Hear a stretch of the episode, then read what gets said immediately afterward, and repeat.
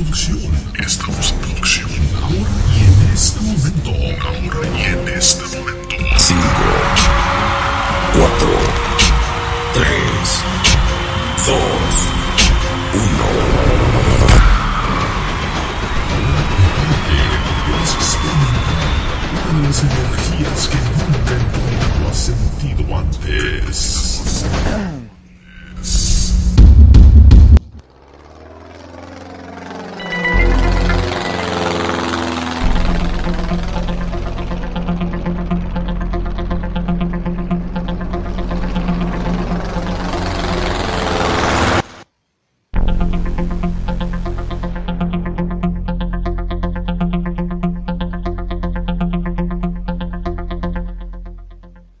Hola, hola, hola, ¿qué tal mis amigos? Sean muy pero muy bienvenidos a un radio show más de Johnny Aviation Radio. La verdad es que estoy muy pero muy contento porque ya hace mucho pero mucho tiempo que no grabo videos en YouTube, que no subía eh, radio shows y la razón es muy simple, este es mi, este es mi último año eh, en, en la escuela y quiero dedicarme 100% a eso, pero a la vez se sentía esa incertidumbre de no cumplir con ustedes. Así que aquí estoy de vuelta, hoy grabaré este radio show, probablemente mañana o pasado mañana suba un video más al canal de YouTube de Johnny Aviation Videos. Bueno, mis amigos, últimamente ha habido un gran, pero gran acontecer aeronáutico ah, sobre accidentes, lamentablemente. Eh, accidentes, eh, el vuelo de Lamia, eh, perdón, el vuelo de Lamia no, el de Ethiopia Airlines, la crisis de Boeing, la aeronave que cayó acá en aproximadamente en la región de los ríos. sí, la región de los ríos más o menos, ahí por Puerto Montt, cayó una una aeronave también en la cual eh, realizaba trabajos comerciales o de transporte entre conectividad principalmente entre diferentes islas acá de mi país. Bueno, así están las cosas. eh, aquí yo soy de vuelta y el tema, el tema de hoy eh, lo coloqué sobre la mesa, que vamos a poner sobre la mesa, es lo relevante con en la confianza está el peligro. Y ustedes se preguntarán, hey Johnny, pero ¿por qué usas esa frase? Y la verdad es que es muy obvio, esa frase eh, me la dijo un piloto la primera vez que volé la Cessna 172 como copiloto. Ah, me la dijo él, me dijo, eh, ¿ves esto? Sí, yo, lo puedo ver muy bien. Y mostró la lista de chequeos o la checklist de la aeronave Cessna 172 SPNV2. Y esa frase me quedó marcando ocupado y me dijo que la ocupara en toda mi vida, en cada momento de mi vida, en la confianza hasta el peligro, ¿ok? Y la verdad es que es una frase muy, pero muy sabia, muy erudita y con bastante, eh, eh, tiene mucho potencial. Así por lo menos lo veo yo. Y la aplico a la aviación. Por ejemplo, no puedo confiarme mucho eh, como entusiasta en la aviación en que yo sé mucho. No voy a decir que lo sé todo porque me falta mucho, pero mucho por aprender y por saber, y específicamente la práctica.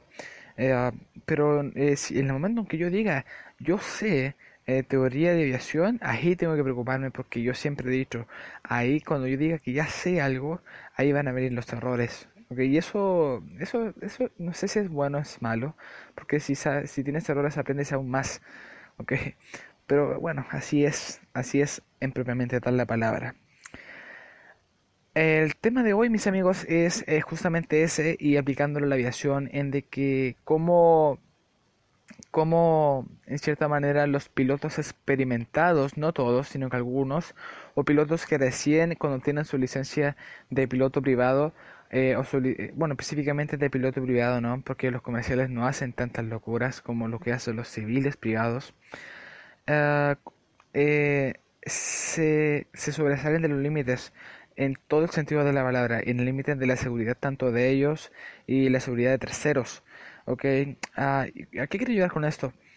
Eh, en muchas ocasiones, a mí personalmente, una vez me tocó ver una actitud o un desempeño que dejaba bastante que desear de un piloto de una aeronave que despegó sin hacer los chequeos. Despegó sin hacer los chequeos, llegó, se subió al avión y eso no estaba preparado de antes, que hubieran dicho, hey, ¿sabes qué? El avión ya está listo para que vueles, eh, tú no es necesario que haga los chequeos, lo cual nunca tiene que ser, tú tienes que chequear tu aeronave antes de ver. Y él llegó y voló como si fuera como quien pesca una bicicleta y se va a andar con la bicicleta por todos lados. Otros casos, por ejemplo, pilotos de aeronaves ligeras, como tal es el caso de las Cessnas, eh, Cessnas específicamente, Cessna 150, hay pilotos que hacen acrobacias y que no son spins. Okay, hay una gran diferencia entre lo que es un spins y entre lo que es una acrobacia.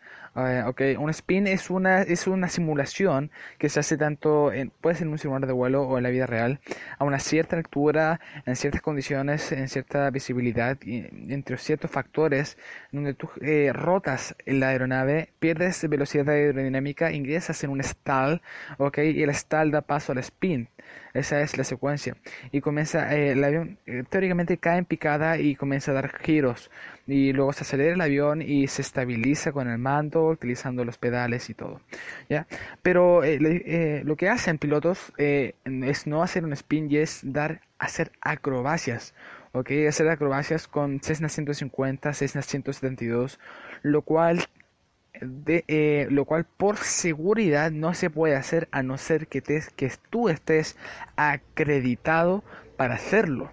Uh, y simplemente se ponen a hacer acrobacias con sus aviones simplemente para demostrar lo, lo, poderosos que son, que llegan a ser como pilotos, o demostrar su conocimiento eh, del vuelo, ¿ok? En las superficies del, el mando específico de la aeronave. Uh, entre otros casos, los vuelos rasantes. Por ejemplo, los vuelos rasantes son muy pero muy, muy, muy populares perdón, en todo el mundo. En pasar volando muy bajo con tu avión a piso pero no tocando el piso, ya sea con aeronaves militares, que es donde más se, donde más se desarrolla eso. ¿Ok? Pero en las aeronaves civiles, como tal es el caso de las Cessna 172, Cessna 150, eh, jets, por ejemplo, no tan, no tan común jets, se puede ver cómo los pilotos a grandes velocidades, a muy altas velocidades, pasan rasando el piso con sus aeronaves. Lo cual tú dices, hey, pero ¿qué hay de malo en eso? Si tienen experiencia, tienen el espacio para hacerlo, si lo pueden hacer, claro que lo pueden hacer, muy bien. Pero no lo pueden hacer donde hay gente no lo pueden hacer, o sea, de hecho sí lo pueden hacer, pero a una altura considerable, o sea, que eh, no tan alto, pero dentro de los parámetros, no sé si se me entiende muy bien la idea. Por ejemplo, la otra vez vi un video, el piloto le quitaron su licencia definitivamente, ah, en donde con una Cessna, 100, eh, Cessna 182 en un festival aéreo de no sé en qué país, eh, creo que era de Europa, uh, un piloto con su aeronave pasó volando rasante y con el ala al inclinarse, al elevar a la, aeronave, porque el otro lado había bosque, necesitaba elevarlo con gran, pero gran velocidad y, aun con un ángulo de ataque bastante eh, excedido, casi le, casi mata, por así decirse, a un espectador con el ala, porque pasó rasando muy bien el piso y al inclinarse hacia el lado, el ala pasó aproximadamente por 3 centímetros, me debería decir, de la cara, de la cabeza del espectador. ¿Ok? Uh, y, y, ellos estaban en una zona de seguridad, estaban en su parámetro, en su perímetro, perdón, demarcado de seguridad, en donde estaban detrás de eso. Y entre otros factores más, mis amigos, eh, me pasaría todo el día explicándoles, seguramente tú también has visto uh, cómo en ciertas ocasiones los pilotos eh, superan o van más allá de los límites de seguridad en vuelo.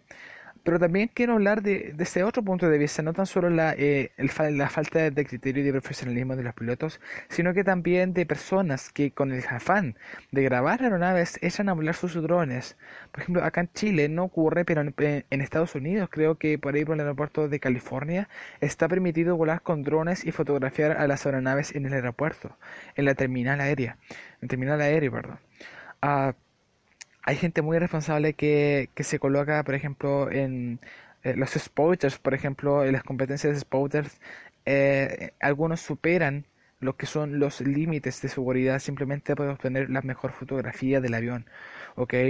Ah, no todos son así, son muy escasos los casos, pero en cierta manera siempre se coloca en riesgo no tan solo tu integridad, sino que la del piloto y la de la aeronave y de todos los que están presentes. Es una responsabilidad compartida, por así decirlo. Entonces, en el momento en que tú le agarres confianza a tu aeronave, en el momento en que tú le agarres confianza en tu trabajo como despachador de vuelo o, despachador de vuelo o torre de control, entre otros, ah, siempre va a haber peligro. Siempre va a haber peligro. si puedes hacerlo, eh, hazlo. Por ejemplo, si tienes la posibilidad y si estás autorizado y las condiciones están, ¿no cierto?, para realizar vuelos rasantes, hazlo. Pero siempre ten en cuenta que hay personas que están, que están mirando y que se van a acercar con tal de ver el avión más cerca o con tal de sacar fotos, porque así somos. Yo, yo me considero una persona que, que es así, pero siempre cuidando los límites. Eh, y eso es, lamentablemente han ocurrido accidentes en donde muchos pilotos tienen accidentes simplemente por falta de criterio. Como tal es el caso del hijo del, del Chapo Guzmán en México. Hace unos meses atrás salió la noticia de que sus hijos, ah, volando en una Cessna Gran Caravan o una Cessna 182, 71, no me acuerdo mucho, eh, pasaban volando por debajo de puentes, ah, bebiendo cerveza con rancheras, eh, eh, fumando droga, consumiendo droga. Ah, y eso creo que es un, no tengo para qué explicarlo, eso es una falta de Y finalmente terminaron estrellándose en, eh, en una casa. ¿Ok? Uh, y simplemente porque le agarraron confianza a la nave. Tal si yo tengo el control del mando, ¿qué más, qué más va a pasar? Eh, y eso es, eso es el tema de hoy, mis amigos. No porque tú, en cierta manera, esta es la moraleja de lo que les hablé, no porque tengas la habilidad de pilotar un avión, de pilotar dos aviones, de volar un helicóptero, de ser el mejor eh, exposures, ah, de ser el mejor fotógrafo de aviones, ah, y entre otras cosas, vas a acceder a los límites. Siempre hay que hacerlo con seguridad para que sea algo sano. En el momento que sobrepases eso, es algo que no es sano. Okay. Ese es el mensaje de hoy, mis amigos. Ah, estoy, estoy bastante inspirado. a que esa mañana grabé un video para YouTube. Eh, bueno, y ese es el tema, mis amigos. Es, espero que tengan una muy, muy, muy, pero buen fin de semana. Ah, y se despide de ustedes, su amigo Johnny Aviation Videos. Video en este caso, siempre confundo, no sé por qué coloqué nombres tan iguales.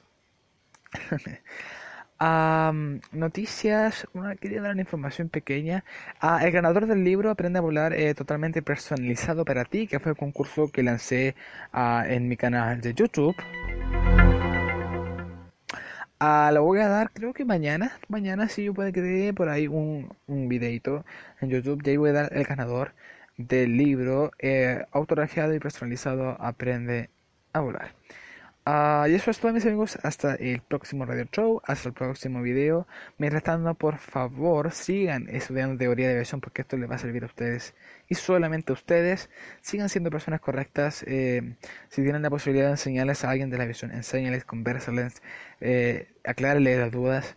Por ejemplo, hace un día atrás me daba mucha risa porque la aeronave que lamentablemente se estrelló acá en Puerto Montt, la gente hablaba realmente cosas súper, súper, súper atroces.